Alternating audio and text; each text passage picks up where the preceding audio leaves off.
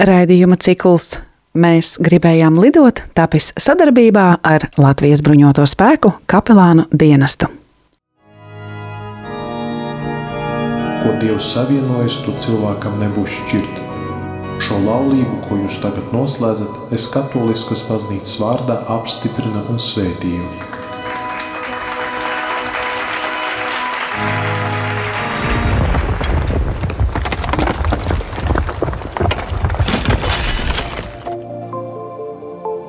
Raidījums no cikla Mēs gribējām lidot.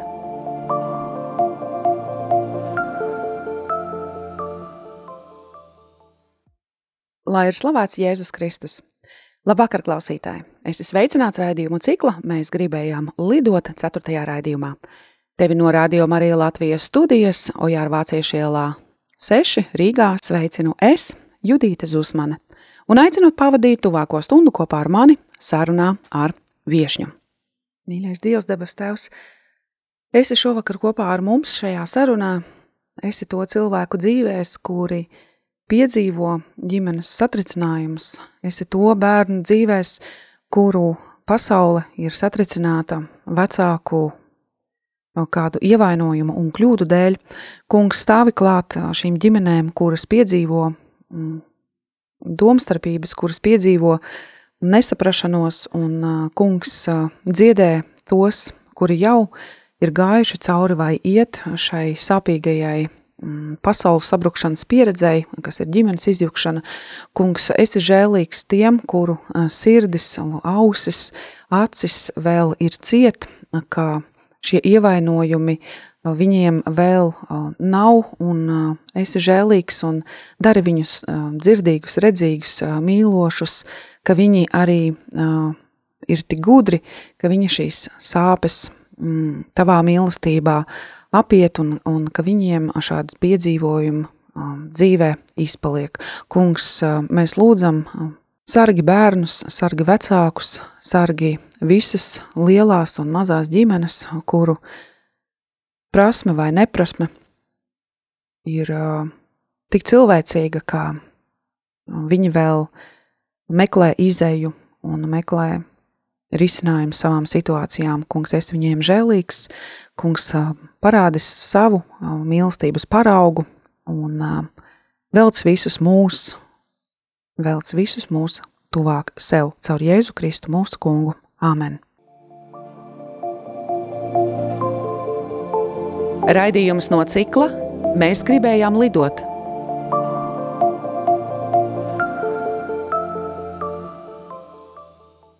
Pirms uzsākam sarunu, mazliet iezīmēsim aktualitāti, kas piemīt šīs dienas tēmai.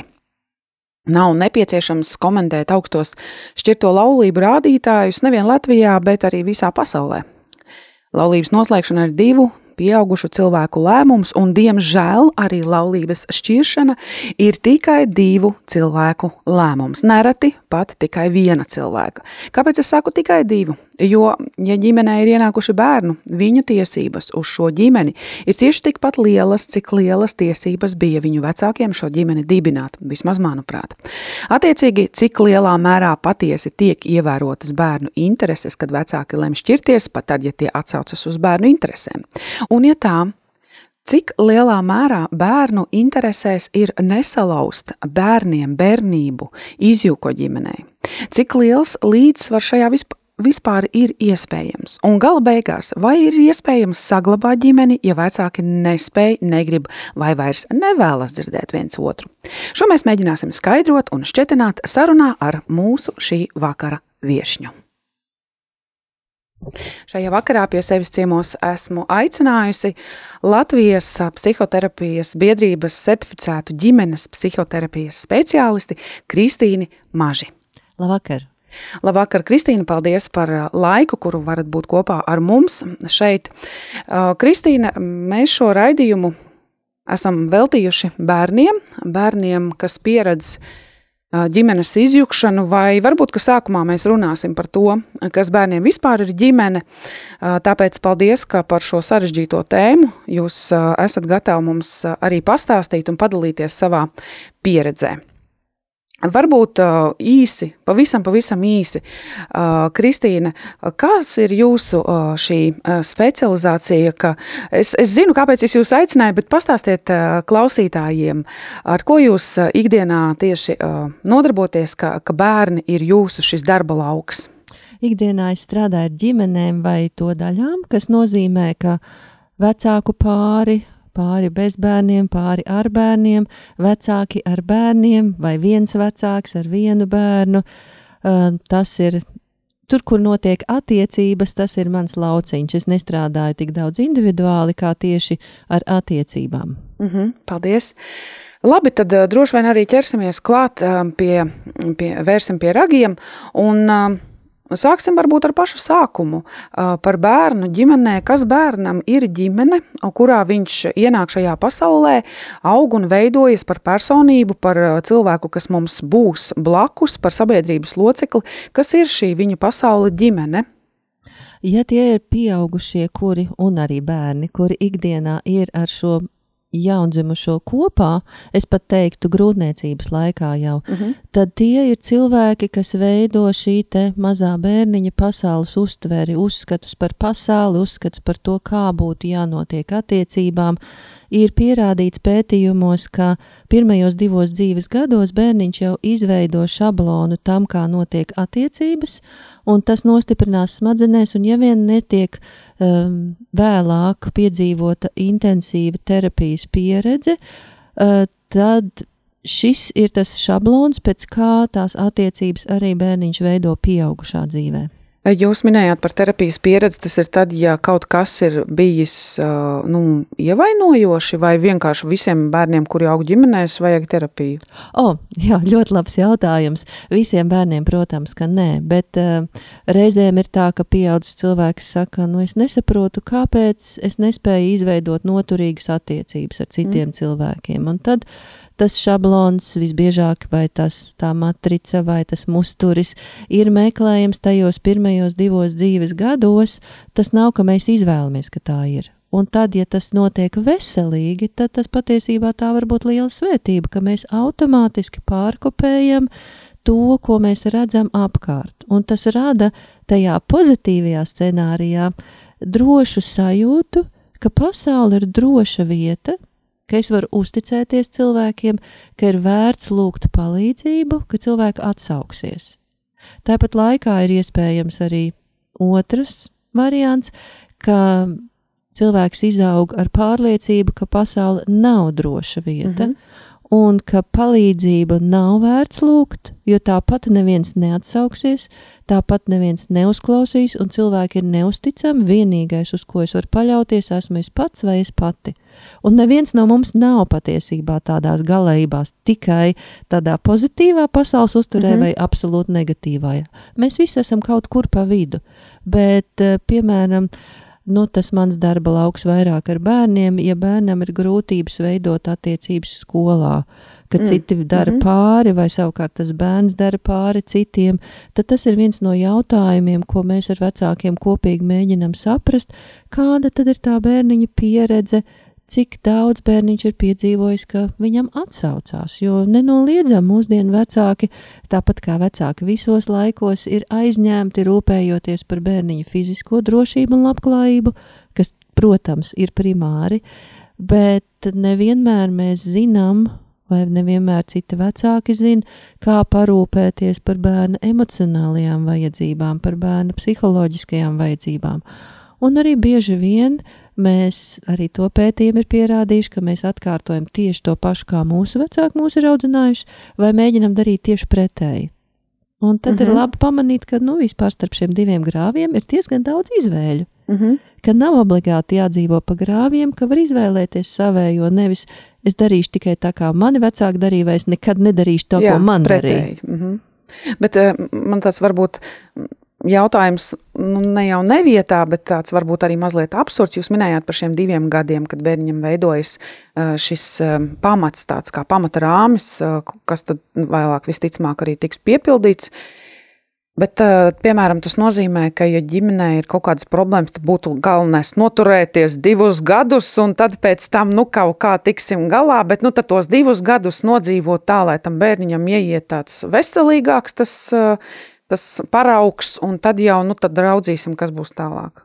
Vai tas, tas, tas ir labs nu, piemēram, veids, kādu lēmumu pieņemt, kā funkcionēt, vai tomēr tas nestrādās? Tas ir labs jautājums. Mums gan jāņem vērā, ka bērni nav mazi pieaugušie. Bērni Labi, nav nozīmē? mazi pieaugušie, kas nozīmē, ka viņi uztver pasauli daudz citādāk nekā mēs. Viņi uztver pasauli primāri caur emocija, emocijām un emocionālo pieredzi un caur ķermeni. Un tas savukārt nozīmē to, ka bērns nevis tik daudz uztver to, ko viņam skaidro, skaidrot vajag, un tas ir svarīgi bet bērns nolasa mūs. Bērns mm. var nesaprast, kāpēc mamma ir īgna vai dusmīga. Mm -hmm. Un personizēt to uz sevi, ka es acīm redzot, esmu slikts bērns, ka mamma ir dīgna vai dusmīga. Bet to noslēpt no bērna nav iespējams. Mēs no sevis varam noslēpt. Jā. Bet no bērniem mēs nevaram noslēpt to, kā mēs, kā pieaugušie, jūtamies. Līdz ar to, ja pat divi pieaugušie, kur ir ārkārtīgi konfliktējošās attiecībās nolems, mēs paliksim šos divus gadus kopā ar bērnu, mm -hmm. bērns var to konfliktu vienalga piedzīvot. Mm -hmm. Kaut arī mums, kā pieaugušiem, šķiet, viss taču ir skaisti. Mm -hmm. Respektīvi, viņi to, ka vecāki ir nelaimīgi, viņi to jutīs kā, saka, kā gaisu, ko elpoja. Ja? Jā. Jā, un tad ir tas jautājums, ko tas nodara bērniņam, ka bērniņš uzņemās pilnu atbildību nevis pēc izvēles, bet tā mēs esam būvēti, ka līdz skolas vecumam bērns parasti visu skatās caur savu prizmu, kas nozīmē, ja kaut kas manā ģimenē noiet greizi, ja kaut kas kāds slikti jūtās, tad es par to esmu atbildīgs vai atbildīga, tad es kaut ko izdarīju ne tā. Un arī tās fantāzijas, ka es varu un ir manās rokās to izmainīt. Jā, bet uh, jūsos klausoties, man vēl radās tāds uh, jautājums. Bērniņi vēl nekad nav bijuši pieaugušie. Skaidrs, ka viņi nevar uzvesties tā, kā mēs uzvedamies, bet mēs, pieaugušie, kādreiz esam bijuši bērniņi. Vai mēs esam aizmirsuši to, kā mūsu, vai mēs esam aizmirsuši, kā mēs kā bērni uzvedāmies, kādi mēs kā bērni bijām, ja mēs šobrīd domājam, ka mēs varēsim mazo bērnu apmānīt? Jā, liela daļa pieaugušo ir aizmirsuši, bet tā nav vienīgā sastāvdaļa. Ja ir piedzīvotas sāpīgas bērnības pieredzes, tad nav patīkami tās atcerēties. Un tad var izlikties, ka viņu nav.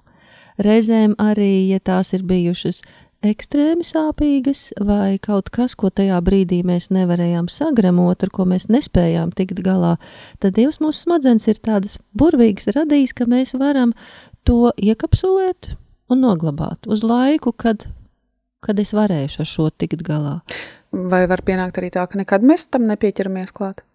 Var. Vienīgā grūtība ir, ka tās kapsulas, ja viņu ir par daudz, ar laiku sāk sprāgt vaļā. Sāk traucēt. Labi, par to mums varbūt būs kādreiz jārunā citā raidījumā un citā, uh, citā raidījuma ciklā un citā reizē, citā dienā, bet tad Tad dosimies tālāk. Tā, tad, tā, tā ģimene, kurā viņš uh, ienāk, tā ir viņa pasaule, kā viņš uztver, kā pasaule funkcionē. Jā. Īsi sakot. Tur arī iegūst to pirmo drošības sajūtu, jo mēs nevaram funkcionēt, un tas arī ir zinātniski pierādīts, un to jau mēs Bībelē lasām. Bez attiecībām mēs nevaram funkcionēt. Mm -hmm. Attiecības ir pamats visam. Vienas Jā. smadzenes pašas nevar nekad attīstīties, vajag otras smadzenes blakus. Tas ir labi, jo tam noteikti arī par apliecinājumu var būt, piemēram, tie bērni, kas ir izauguši kā nu, augļi pie dzīvniekiem, un viņi nespēja runāt, un tā tālāk, un tā joprojām. Tas noteikti viņu psiholoģi, viņu arī fizisko, fizioloģiskais ķermenis nespēja attīstīties. Tas noteikti ir saistīts, bet ne par to šodien. Jā, mm. mēs par to šodien nerunāsim, bet tas man lika par to padomāt. Tad jautājums, vai šiem bērniņiem, kas aug šajās ģimenēs, ir nozīme tam, vai ģimene ir, es šeit likšu vārdu pēdiņās, pilna, Vai arī, piemēram, viens dzimums var pilnā mērā aizvietot otru dzimumu, ja, piemēram, bērniņš dzīvo tikai ar mammu vai tikai ar tēti, vai, piemēram, tikai ir viena dzimuma ģimenes locekļiem - mamma, vecā mamma, māsa, krustmāte, vai arī, piemēram, tētis un vectētiņš, un, un, un, un vēl, jā, tur droši vien vēl būtu jautājums, kāds ir pats paša bērna dzimums, vai ne? Bet kopumā, vai tam ir nozīme? Protams, tam ir nozīme, bet tā nav nolemtība. Mm -hmm. Lielāka nozīme, cik šī ģimenes sistēma ir atvērta ārpusēji vai slēgta ārpusēji. Kas nozīmē, ka, um, ja piemēram, puika aug ģimenē, kurā ir tiešām sieviešu kārtas pārstāvi visapkārt, un šī ģimene ir atvērta, ārpasaulē.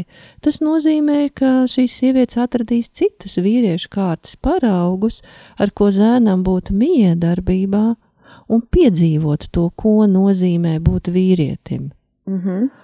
Un arī, protams, viņas var izvēlēties nicinoši izteikties un izturēties pret vīriešiem, vai viņas var izvēlēties cieņpilni izteikties un izturēties pret vīriešiem. Tad pamatā tā asins balss nav tā noteicošā. Galvenais ir, lai būtu šīs figūras.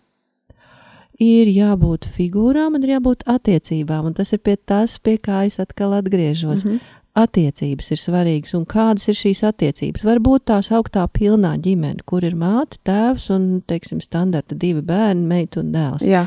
Bet ja šajā ģimenē attiecības būs naidīgas, vienalga vai atklāti naidīgas vai klusējoši naidīgas, tad tas bērns ne ar ko nebūs uh, bagātāks mm -hmm. kā tas bērns, kurš aug piemēram ar vienu pašu omīti, kura uh, cieņpilni izturās pret šo bērnu, kura dod bērnam gan skaidras robežas, gan arī daudz mīlestības, um, nav viena universālā modeļa, caur kuru mēs varētu piedzīvot visu pilnībā. Ir tas vēlamākais, caur kuru ir tā iespēja, bet vai mēs tās iespējas izmantojam, vai mm -hmm. mēs viņus piedāvājam, tas ir cits jautājums.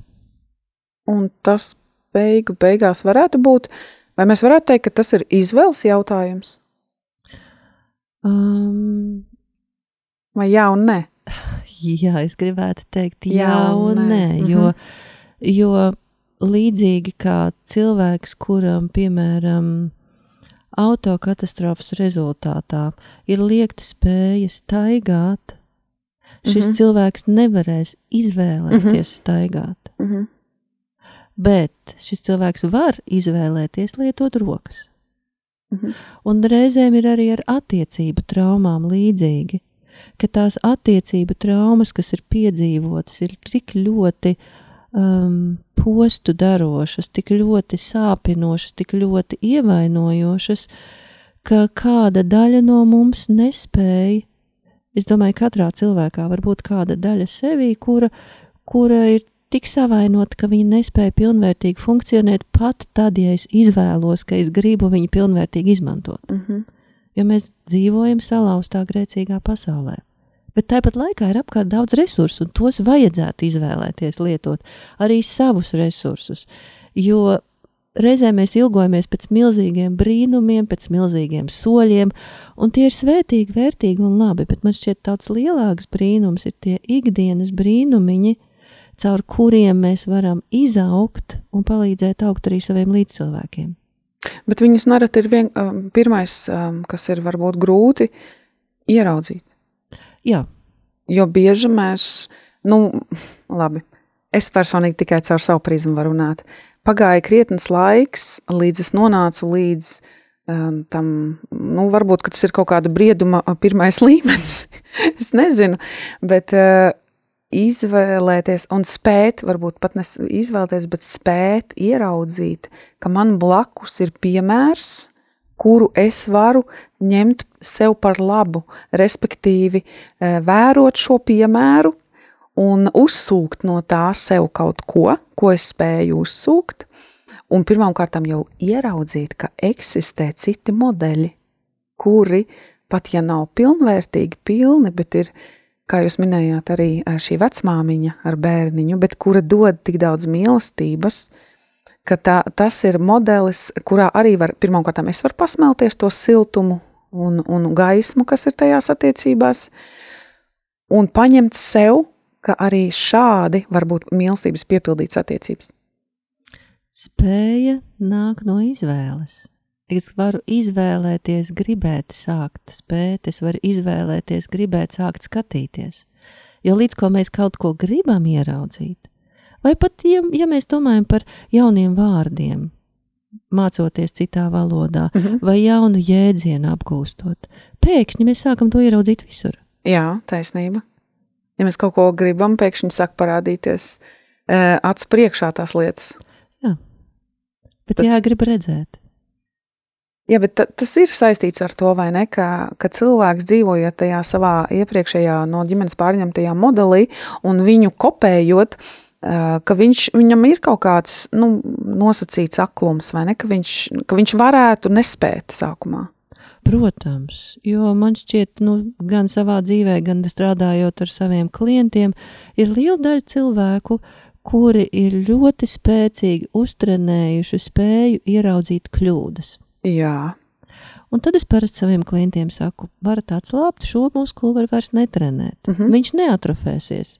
Jo... Viņš ir tik stingrs, ja viņam nav, nav nedraud atrofēties. Jā, tagad var sākt trenēt citu muskuli, spēt ieraudzīt to, kas der, to, kas ir labs, to, kas ir patīkams.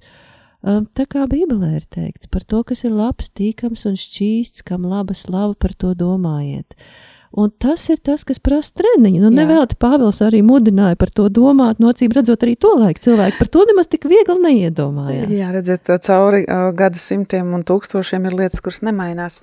Labi, bet um, tad. Um, Dodoties tālāk šajā, šajā nu, jāsaka, sāpīgajā pieredzē, ko, no, kas ir šķir, šķirta ģimene, salūzusi ģimene, uh, ja vecāki, vai nu jāsaka, kad tie vecāki ir nonākuši uz šīs šķiršanās sliekšņa, vai bērnu dēļ ir vērts saglabāt laulību, un es nejautāju, vai ir vērts cīnīties, jo, manuprāt, vērts cīnīties, kamēr vēl ir cerība, kaut vai pašā cilvēkā dzīva, ir jācīnās, tāpēc es nejautāju, vai vērts ir cīnīties, bet vai ir vērts saglabāt laulību. Droši vien jautājums būtu par to, ko tas nozīmē saglabāt laulību.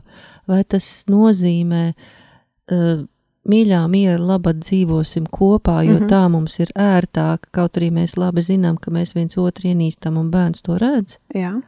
Vai tas nozīmē, ka mēs, ka bērns ir tā mana spēcīgā motivācija, ka varbūt cilvēks pats ir piedzīvojis dzīvi šķirtā ģimenē un nevēlas, lai arī bērnam to būtu jādzīvo, un vēlās darīt visu, uh, lai tās attiecības varētu atdzimt. Jā. Laulības attiecības. Nu, nu, tad pieņemsim šo otro gadījumu. Jā, es laikam vairāk ar tādu domu šo jautājumu uzdodu. Un tad tas varētu būt ļoti jēgpilns un uh, vērtīgs motivators tikai pie nosacījuma, ka vēlāk bērnam tas netiek pārmests. Mm, es mm -hmm. tevis dēļ cīnījos. Mm -hmm un izturēju šo briesmīgo vīru vai mm -hmm. sievu, un tu to nemaz nenovērtē. Tu redzi, kā es cīnos, un tu nespēji novērtēt, ka tev tomēr ir mm -hmm. divi vecāki, un es augu tikai mm -hmm. ar vienu vecāku vai ar kašķīgiem vecākiem. Mm -hmm. Kamēr vien mēs to Eh, nepieprasam no bērna, lai bērns sniegtu kaut kādu gandarījumu mums par mm -hmm. to, mhm. ko mēs darām. Tikmēr tas ir labs mērķis, bet līdz ko mēs uzliekam bērnam, tev taču ir jāspēj novērtēt šo, tas nav bērna pienākums. Nav, nav. Es piekrītu, absolūti piekrītu. Nevi, nu, es, es, nereti taču arī ir dzirdēts, vai ne, ka pieauguši bērni saka, mamma, bet es tev neprasīju. Jā. Vai tēti, es tev neprasīju. Un, un, un, un tā tiek teikts, labāk tad man bija tā, nekā redzēt to, tos kašķus, tos strīdus un nedod Dievs vēl kādus kautiņus, un kad cietām no vardarbības. Jā, lai gan kašķus un strīdus var piedzīvot arī tad, ja vecāki ir šķirti, jo te nu ir tās um, divas cepures, ko mēs kā vecāki valkājam. Viena ir sievas vai vīra mhm. cepure, mm -hmm. un otra ir mammas vai tēta cepure. Jā. Un ja no sievas vīra cepurēm mēs šķiramies, tad no mammas tēta cepurēm mēs nešķiramies.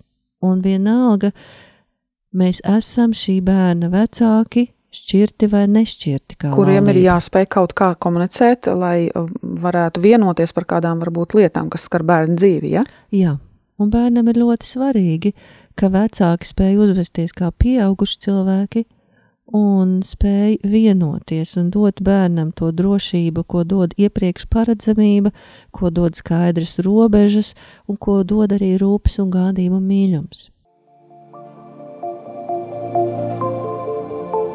Raidījums no cikla Mēs gribējām lidot.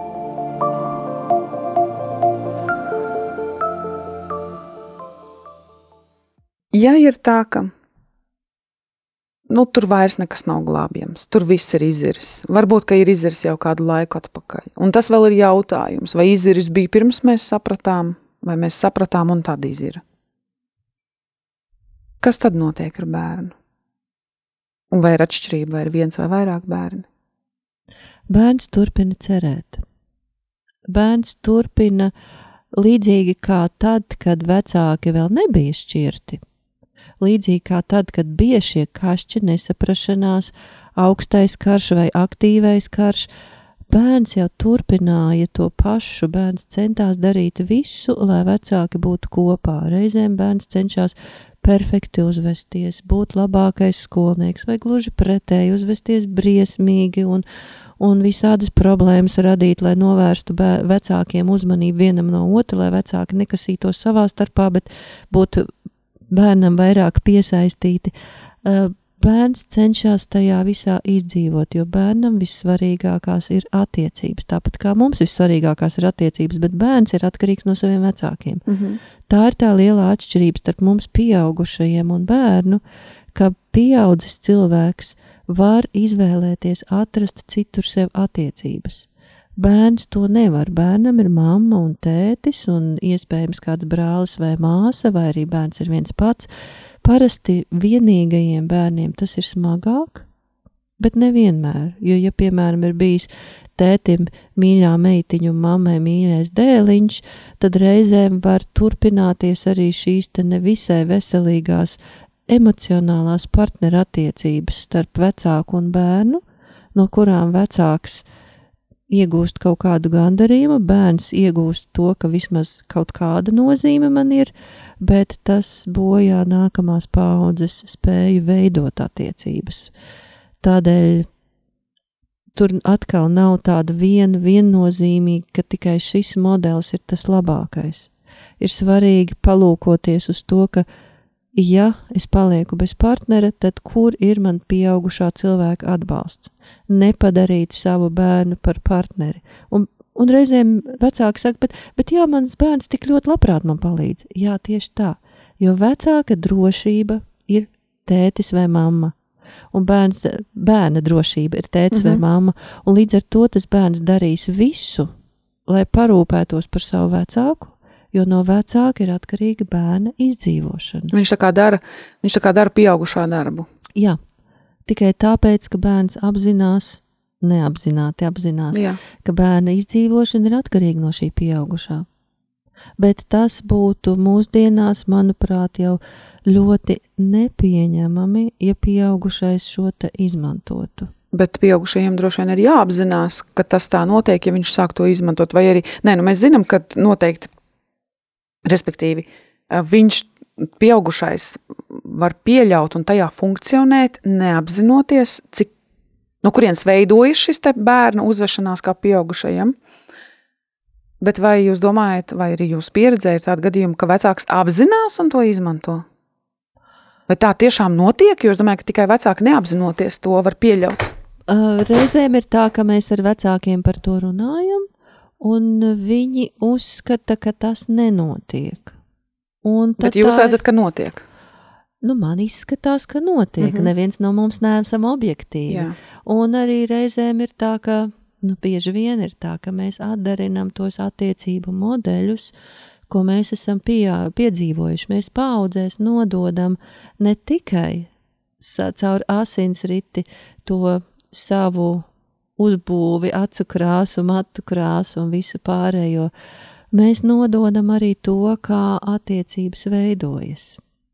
Mhm. Kā, kā šie gēni tiek vai netiek iedarbināti caur epigenēzi. Bet, bet atgriežoties, atgriežoties pie tā, um, pie tiem musturiem, ja piemēram, uh, kara laikā mamma ir zaudējusi savu vīru karā, un viņai ir dēls, tad tajā laikā tam dēlam nākas uzņemties vīrieša lomu, lai palīdzētu pārējos bērnus audzināt, vai lai palīdzētu mammai izdzīvot, jo tas ir izdzīvošanas laiks. Mm -hmm.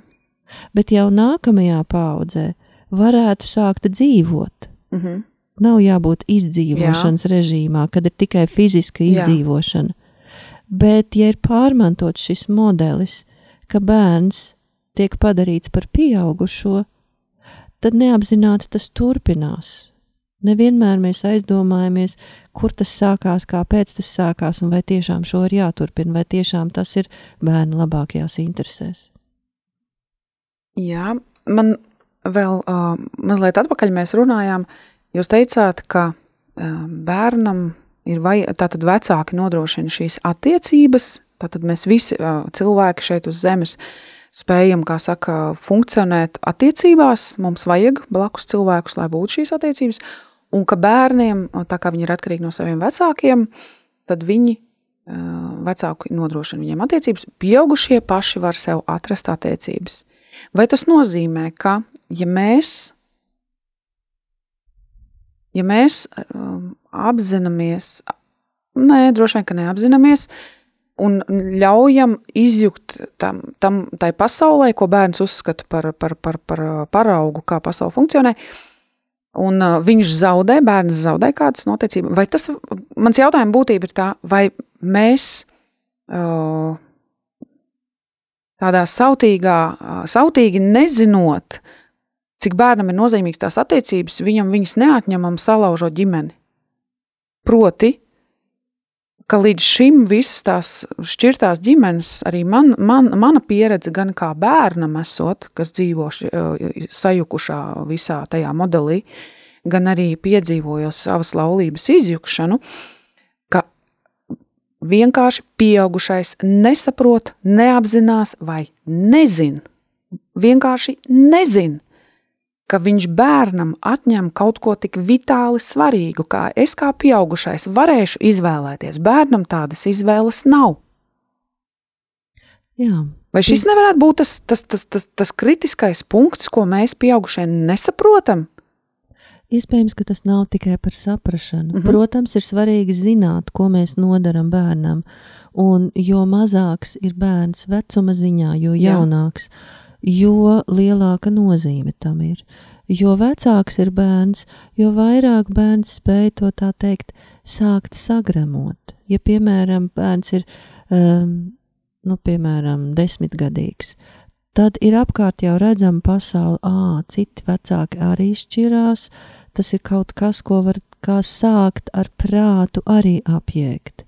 Ja bērniņš ir mazāks, piemēram, divi, trīs gadi, tad tajā vecumā ir svarīgi, protams, teikt, kāpēc mamma vai tēta šeit vairs nav, bet tā īsti saprast un aptvert nav tā kapacitāte vēl smadzenēs. Uh mhm. -huh. Un, protams, tā ir mūsu kā pieaugušo atbildība, bet es arī redzu to, cik salauztas ir šo pieaugušo dzīves, ka nav jau tā, ka mēs ar, ar tādu apzinātu ļaunumu izvēlamies, es tagad šo, te, mm -hmm. šo dzīvi salauzīšu savam bērnam, savam partnerim vai, mm -hmm. vai sev, ka, ka mēs jau pat sevi bieži vien nepazīstam.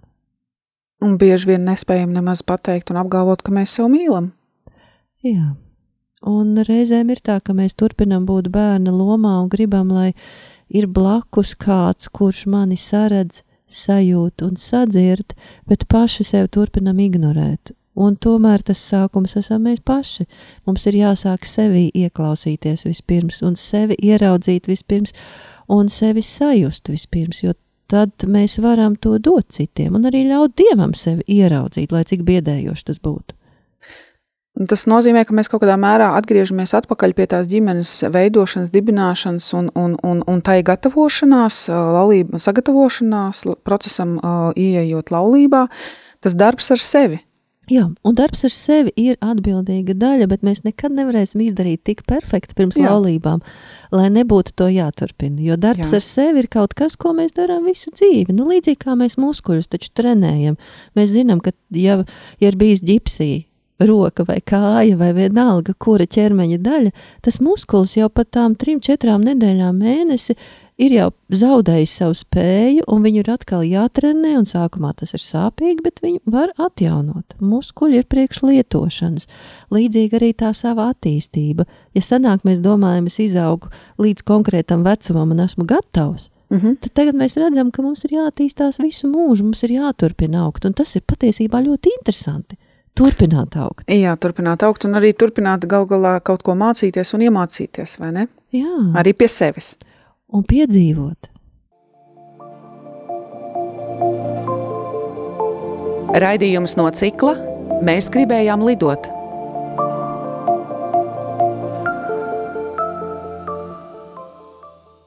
Varbūt ir kāds jautājums, ko es šajā, ko mēs tik, esam tagad runājuši, es nepajautāju, bet jums būtu svarīgi piezīmēt šajā te visā.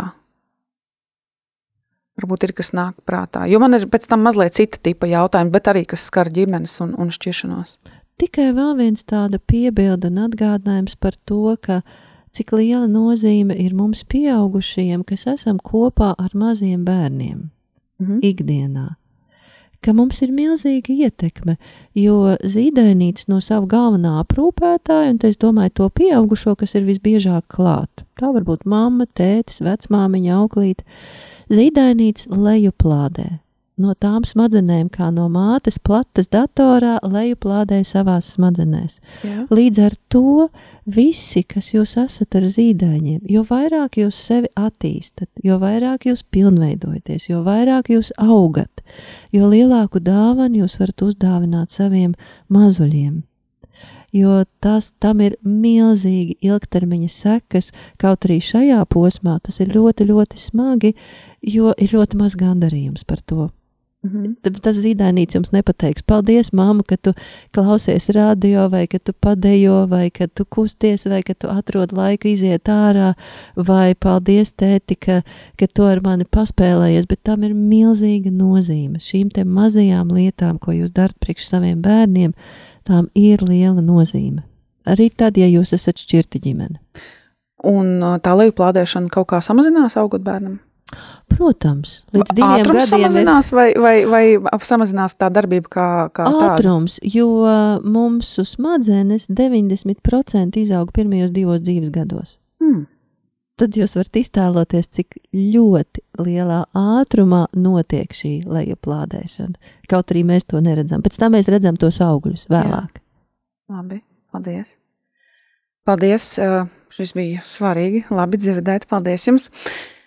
Tad jautājums par, par arī bērniem, par pieaugušajiem, par ģimenēm, kuras ir veidotas jau uz šiem te, mm, jau uz šo te sāpīgo pagātni, kur vienā gadījumā tur cilvēki strādā ar to, strādā ar sevi, kopā strādā, lai, lai, vai atsevišķi katrs, lai varētu tālāk iespējami veselīgāk funkcionēt uz priekšu, varbūt lai neatkārtot šīs kļūdas vai kā citādi, vai saprotot, ka man pie sevis ir ko, man, man, man, man ir ar sevi jāpastrādā, lai es varu veselīgi tikt tam pār un tā. Un tad ir šīs ģimenes, kas izveidojas par jaunu, kurās, kur var satikties divi cilvēki ar jau šīm aizlaustajiem spārniem, ar jau, jau šiem mazuļiem līgzdā, Un tad viņiem ir kaut kā jādzīvo kopā. Kur atkal ir divi pieauguši cilvēki, kā jūs teicāt, ja atraduši attiecības, jo bez attiecībām nevar īsti funkcionēt, tomēr vajag šīs blakus cilvēku, kurš mums palīdz uh, iet uz priekšu, jo ir attiecības vajadzīgas. Un tad ir uh, nereti šajās, šajās jaunizveidotajās ģimenēs, liekot malā visus tur juridiskos un visu pārējo, liekot malā, un ir bērni. Ir bērni, kur tātad, kuriem ir savā starpā jās, jāatrod kopīga valoda, jāsadala dzīves telpa. Ir pieaugušie, kuriem ar savām atvasēm ir jāatstāj, jāsaglabā kaut kāds samērīgi veselīgs attiecības, un ar pretējās, ar otru, pretējās, ne, nepareizi vārdu izvēle, otras puses bērniem vai bērnu ir jāveido attiecības, ja tā ir viena dzīves telpa. Kā jūs, kā speciāliste, skatāties uz to pieredzi, kāda tā mums ir, vai mēs to protam? Jo vairāk attiecību, jo sarežģītāk. Jā. Un jo lielāka spēja veidot attiecības veselīgi, jo vairāk jau ir skaidrs, kas ir tas, kas ir vajadzīgs, bet ir labi zināt pap, tādas pamatlietas. Un pirmā ir par lojalitāti. Jebkurš bērns jebkurš bērns e, ir lojāls saviem vecākiem, vecākiem, kuri viņu ir dzemdējuši. Mm -hmm. Tas nozīmē, ka arī tad, ja laulība tiek šķirta, bērns cenšas, bērnam ir mīļi abi vecāki. Un bērns cenšas tās attiecības uzturēt, saglabāt. Reizēm mēs, pieaugušie, viņus graujam.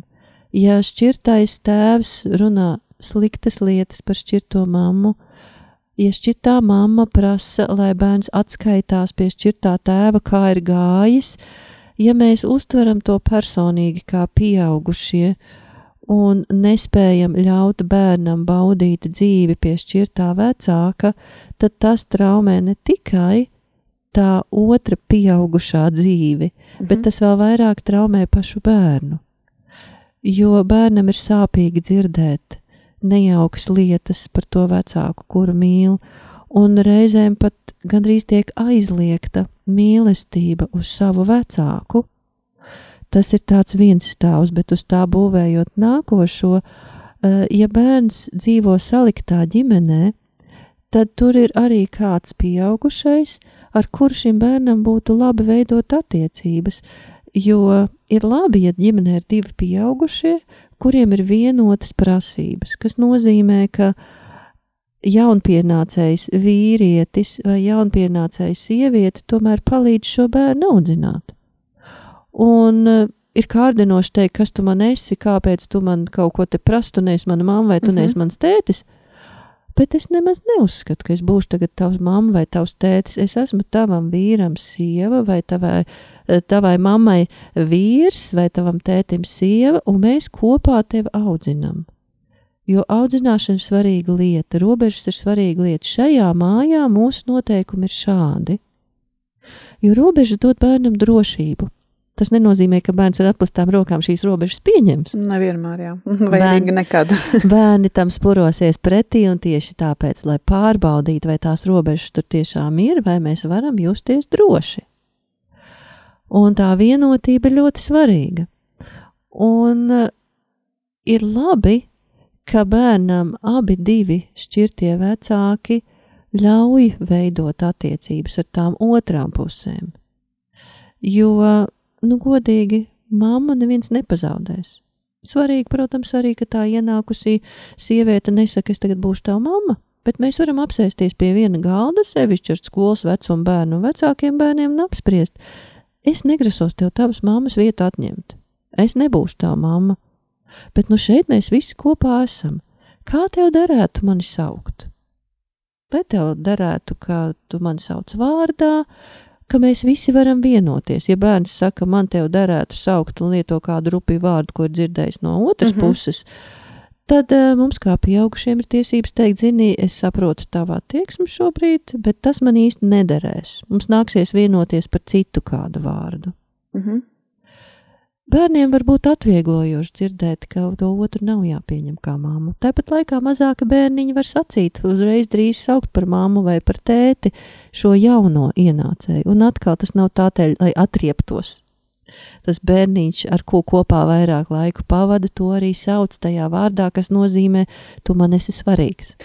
Jā, es varu, es saprotu, ko jūs sakat, un man precīzi, nu, es saprotu, tā nav vieta, kur tā jāiztērzā savas pieredzes, bet tomēr varbūt, lai piešķir, nu, lai iedot konkrētu gadījumu tam, ko jūs tagad sakat, Es tieši tādai pieredzē izgāju cauri, kad manam bērnam bija kādi aptuveni pieci gadi.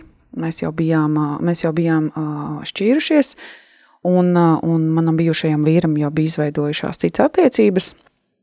Es neatceros, vai viņi tajā brīdī jau bija precējušies, un tas nav tik būtiski, bet vēl mazā māsa nebija nākus pasaulē.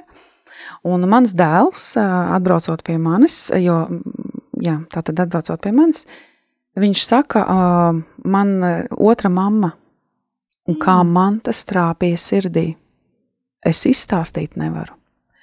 Un es, es saprotu šobrīd, kā bērns varēja justies. Es tikai nojaušu, kā viņš varēja justies, bet tajā brīdī es viņam stingri noteicu, tev mamma, mamma ir tikai viena, un tā esmu es. Un es kaut kādā mērā kā novilku, es kaut kādā mērā novilku šo robežu. Es saprotu, ka bērnam tas varēja trāpīt arī sirsniņā, bet to es sapratu tikai pēc laika. Tanī brīdī es to nesapratu, jo mans dievainājums bija tik dziļš, un viņš vēl viss tur bija viss tik jēls un tik dzīvs, un ka vēl mans bērns saka, ja, ka viņam ir divas mammas, un man tik ļoti trāpīja sirdī, un es viņam, un vairs nekad, nekad pēc tam viņš man to neteica bet, bet tur sāpinātas bija laikam visas puses, es domāju. Bet, bet reāls nu, gadījums no dzīves, kur, bēr, kur bērns tātad piedzīvojot šo tēta otru, otru sievu, otru sievieti, ar kuru viņš ir kopā, Viņu tātad, kā jūs sakat, ja es viņu pieņemu, es viņu parādu tai, tai, tai, tai citai sievietei, tas bērns parāda citai sievietei, ka es tevi pieņemu, un pieņemu kā mammu, bet tava mamma ņem un pasaka, ka nē, tev ir tikai viena, un tā esmu es. Ja? Es šobrīd, protams, to saprotu, un, protams, tur ievainoti bija visi. Bet uh, gadījums no dzīves, jā, un vairs pēc tam nekad bērns tā vairs neteica, vismaz man ne. Jā, un tas ir pieaugušo komunikācijas jautājums. Mm -hmm. Mēs reizēm neaizdomājamies, bet ir labi iepriekš jau izrunāt, tad kā kuru personāžu sauks pirms mēs piedāvājam mazākiem bērniem. Um, mm -hmm. Iespējams, ieviešās kaut kāda arī iesauks vai kaut kas, bet bērns acīm redzot bija sapratis, jā, man ir divas mammas. Mm -hmm. Es esmu bagāts. Mm -hmm. Man ir mamma, kura man dzemdēja un audzināja līdz pieciem gadiem, un man ir mamma, kura ar mani ir ikdienā, un tad man ir mamma, pie kuras es braucu ciemos. Mm. Bet ir labi, ka mēs sevi arī pārāk nešaustam. Kļūdas pieļaut ir normāli. Mēs visi kļūdāmies, un labas attiecības raksturot nevis tas, ka mēs nekad nekļūdāmies un viņas nepārraujam, bet tas, ka mēs viņus atkal atjaunojam. Un tas mm -hmm. ir svarīgi neatstāt to pārāvumu un nenoslīgt tagad savā milzīgā vainas sajūtā, ka vajag vai ko es sastrādāju, bet tajā brīdī, kad es apzinos, ui, tas gan nebija lāgā, ka es kā pieaudzis cilvēks uzņemos atbildībai un saku, klau, zini, es tev neļāvu saukt viņu par mammu, um, tajā brīdī es jutos sāpināta, bet man šķiet, ka es varēšu ar to sadzīvot, ka tev ir divas mammas. Mm -hmm. Kā ir, mēs šobrīd aptuveni runājam par šo modeli mm, šajās saliktajās ģimenēs, ja tie bērni dzīvo klāt, bet vēl ir gadījumi, ka tie bērni nedzīvo klāt, ka mūsu otrajā pusē bērns atbrauc vai brīvdienās, vai nedēļas nogalēs, vai arī tikai kādos svētkos, nu tātad tas ir atkarīgs no tā, kāda tur tā viņu vienošanās un ar otru pusi un tā. Cik svarīgi ir, jo, jo Vai nu mēs ielaidām savā dzīves telpā un sirdī, vai mēs neielaidām, mēs ielaidām, un tad mēs ar to strādājam. Mēs zinām kaut kādu paredzamību, kaut kādu neparedzamību. Arī mums, kā pieaugušiem, kaut kāda paredzamība ir vajadzīga. Nu, vismaz uh, es tā pie sevis jūtu, ka kaut kāda skaidrība prasās. Nu, vai es zinu, ka vienmēr tā tad vai nu skolas brīvdienās, vai mēneša trešajā brīvdienās, vai vienalga kaut kāda skaidrība, kad es zinu, ka ka man mājās būs vairāk cilvēku, man atbrauks vīra bērni, kuri šeit pavadīs laiku, ka man būs jāparedz tam laiks, ka mums vajadzēs kaut ko vairāk gatavot, mums te vajadzēs dzīves telpu at, atbrīvot priekš bērniem un tam līdzīgi.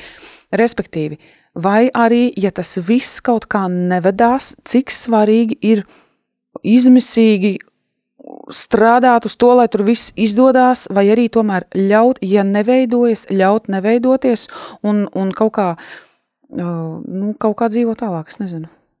Ideālajā pasaulē visi četri pieaugušie sanāktu kopā mhm. -huh. un izrunātu. Tajā laikā bērni ir tur, tajā laikā viņi ir tur. Kas katrā mājā tiek sagaidīts, lai nav, ka ir labais brīvdienu tēvs vai labā brīvdienu māma un otram vecākam ir visi mājas darbi, mm -hmm. ka ir skaidrs, kas tad ir kura vecāka pienākumi, un tad ir labi arī ar sevi aprunāties. Ko es esmu gatavs vai gatava dot saviem otrās puses bērniem, un ko es nevaru.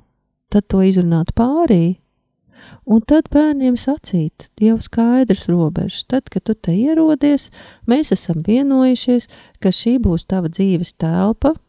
Pat ja tā ir tikai gulta, ka to tāpu mēs respektējam, tad, kad tu esi savā gultā, mēs tev virsū nebāzīsimies, tā ir tava dzīves telpa.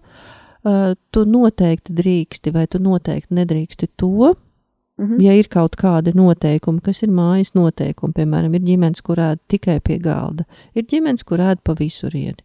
Jā, varbūt tu tajā ģimenē ēd visur, kur tu vēlies, šajā ģimenē mēs ēdam tikai pie galda, tas nav uzbrukums tev, tas ir tas, kāda šajā mājā ir noteikumi. To izrunāt, lai bērnam ir skaidrs. Un arī ir labi pateikt, ka es negrasos būt tev otrā mama vai otrais tētis es nemaz neplānoju aizvietot tavu, tā teikt, īsto mammu vai mm -hmm. īsto tēti, bet es šeit esmu. Es labprāt veidoju ar tevi attiecības, ja tu to vēlies. Ja tu to nevēlies, es to respektēšu. Un atkal, protams, ir milzīga nozīme bērnu vecumam. Mm -hmm. Šādi mēs nerunātu ar divgadnieku, trīsgadnieku, pat ne ar piecgadnieku. Mm -hmm.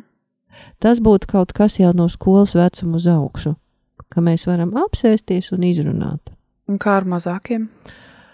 Ar mazākiem mēs vienkārši pasakām viņiem pēc iespējas īsi, konkrēti un vairāk ar savu darbību rādam to. Īsi konkrēti tas nozīmē, šeit būs tava gultiņa, te tu drīksti nolikt savas mantas, es neesmu tava mamma vai tavs tētis, mani sauc šitā, un mēs te kopā dzīvosimies tad, kad tu būsi šeit. Uh mhm. -huh. Un tad mēs varam arī inicijēt kādas spēles vai kaut ko ar mazāku bērniņu, jo, bērni piedzīvo pasauli ar spēlēšanu. Mm -hmm. Un spēles es nedomāju šahu vai dambretu uzreiz. Mm -hmm. Spēles ar mazākiem bērniem nozīmē paslēpes, um, plastelīnu lipināšana, braukšana ar mašīnītēm, kluču būvēšana, pastaigas. Tas ir tas, kā mazi bērni uztver un piedzīvo pasauli. Tā skaitā sev svarīgās attiecības. Paldies!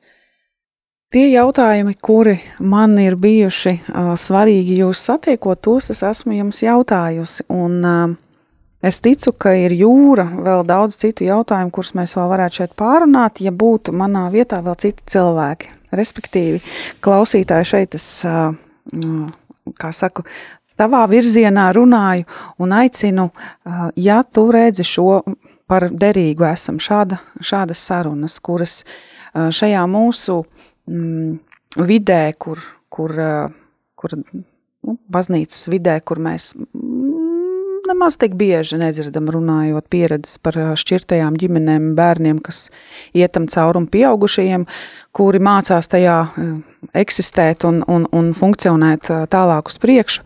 Ja tu redzi to visu par labu esam un par derīgu esam, kas ir jāattīsta, tad jebkādā sev zināmā veidā tu vari dota ziņu gan uz Radio Marija Latvija, jebkādiem kontaktiem mājaslapā vai, vai Facebookā vai, vai zvanīt uz info tālruni.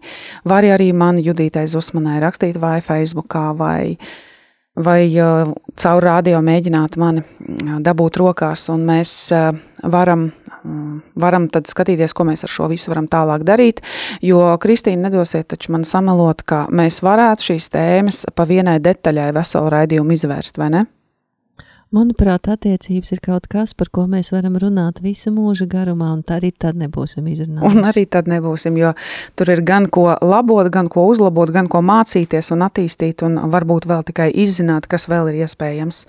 Tāpēc teikšu šodien paldies, Kristīna, šo vakaru par šo tikšanos, par to, ka atradāt laiku, un Un paldies arī par to, ko jūs darat, kas ir jūsu profesionālās zināšanas un, un aicinājums un kalpojums noteikti kaut kādā mērā Dievam caur to, ko jūs protat. Paldies jums! Paldies par iespēju! Mēs ar tevi, klausītāji, tiksimies atkal pēc dažām nedēļām, un tad mēs runāsim par to, mm, kā šiem cilvēkiem, mums, tādiem, kas esam piedzīvojuši laulību šķiršanu, ģimenes izjukšanu, pasaules kaut kādā mērā sabrukšanu, ir vai nav mums šeit vieta baznīcā, ko par to saka pati baznīca, par, ko par to saka mūsu pieredze baznīcā, varbūt mūsu draudzē, varbūt mūsu konfesijā, varbūt mūsu valstī, es nezinu. Raudzīsim, tātad arī aicināt viesus un, un klausīsimies, kas viņiem ir sakāms.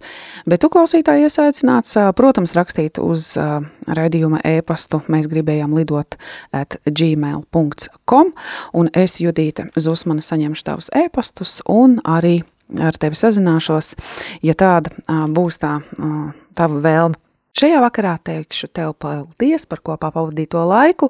Radījumā ierakstu vari klausīties radījumā arī Latvija arhīvā un arī Spotify kanālā Audio kapela. Es Judīta Zusmane no tevis atvados, lai ir svētīgs priekšā esošās brīvdienas un lai Dievs alaž tur zem mūs, mūs zem sava mīlošā spārna tiksimies jau atkal nākamajā noslēdzošajā šī cikla raidījumā mēs gribējām lidot. Lai ir slavēts Jēzus Kristus!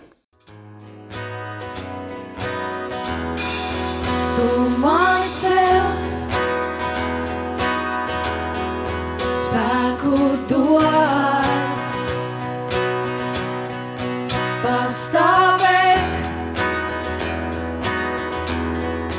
norimties. Tu mani šeit uzlūko, samīļo, piepildī. Tu mani nes kad esmu vājš. Atjauno prieku dod. Pielūdzu tevi, svētais Dievs, slavēju tevi no visas savas sirds, tu ķēniņš pār visiem gods, lai tev atdos, priekā pateicos.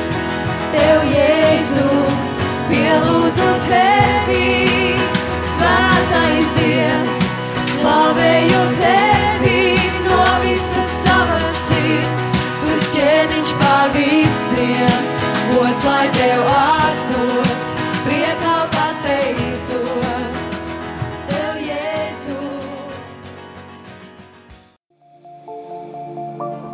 Dzirdējām izskanam raidījumu no cikla Mēs gribējām lidot, kas tapis sadarbībā ar Latvijas bruņoto spēku kapelānu dienestu.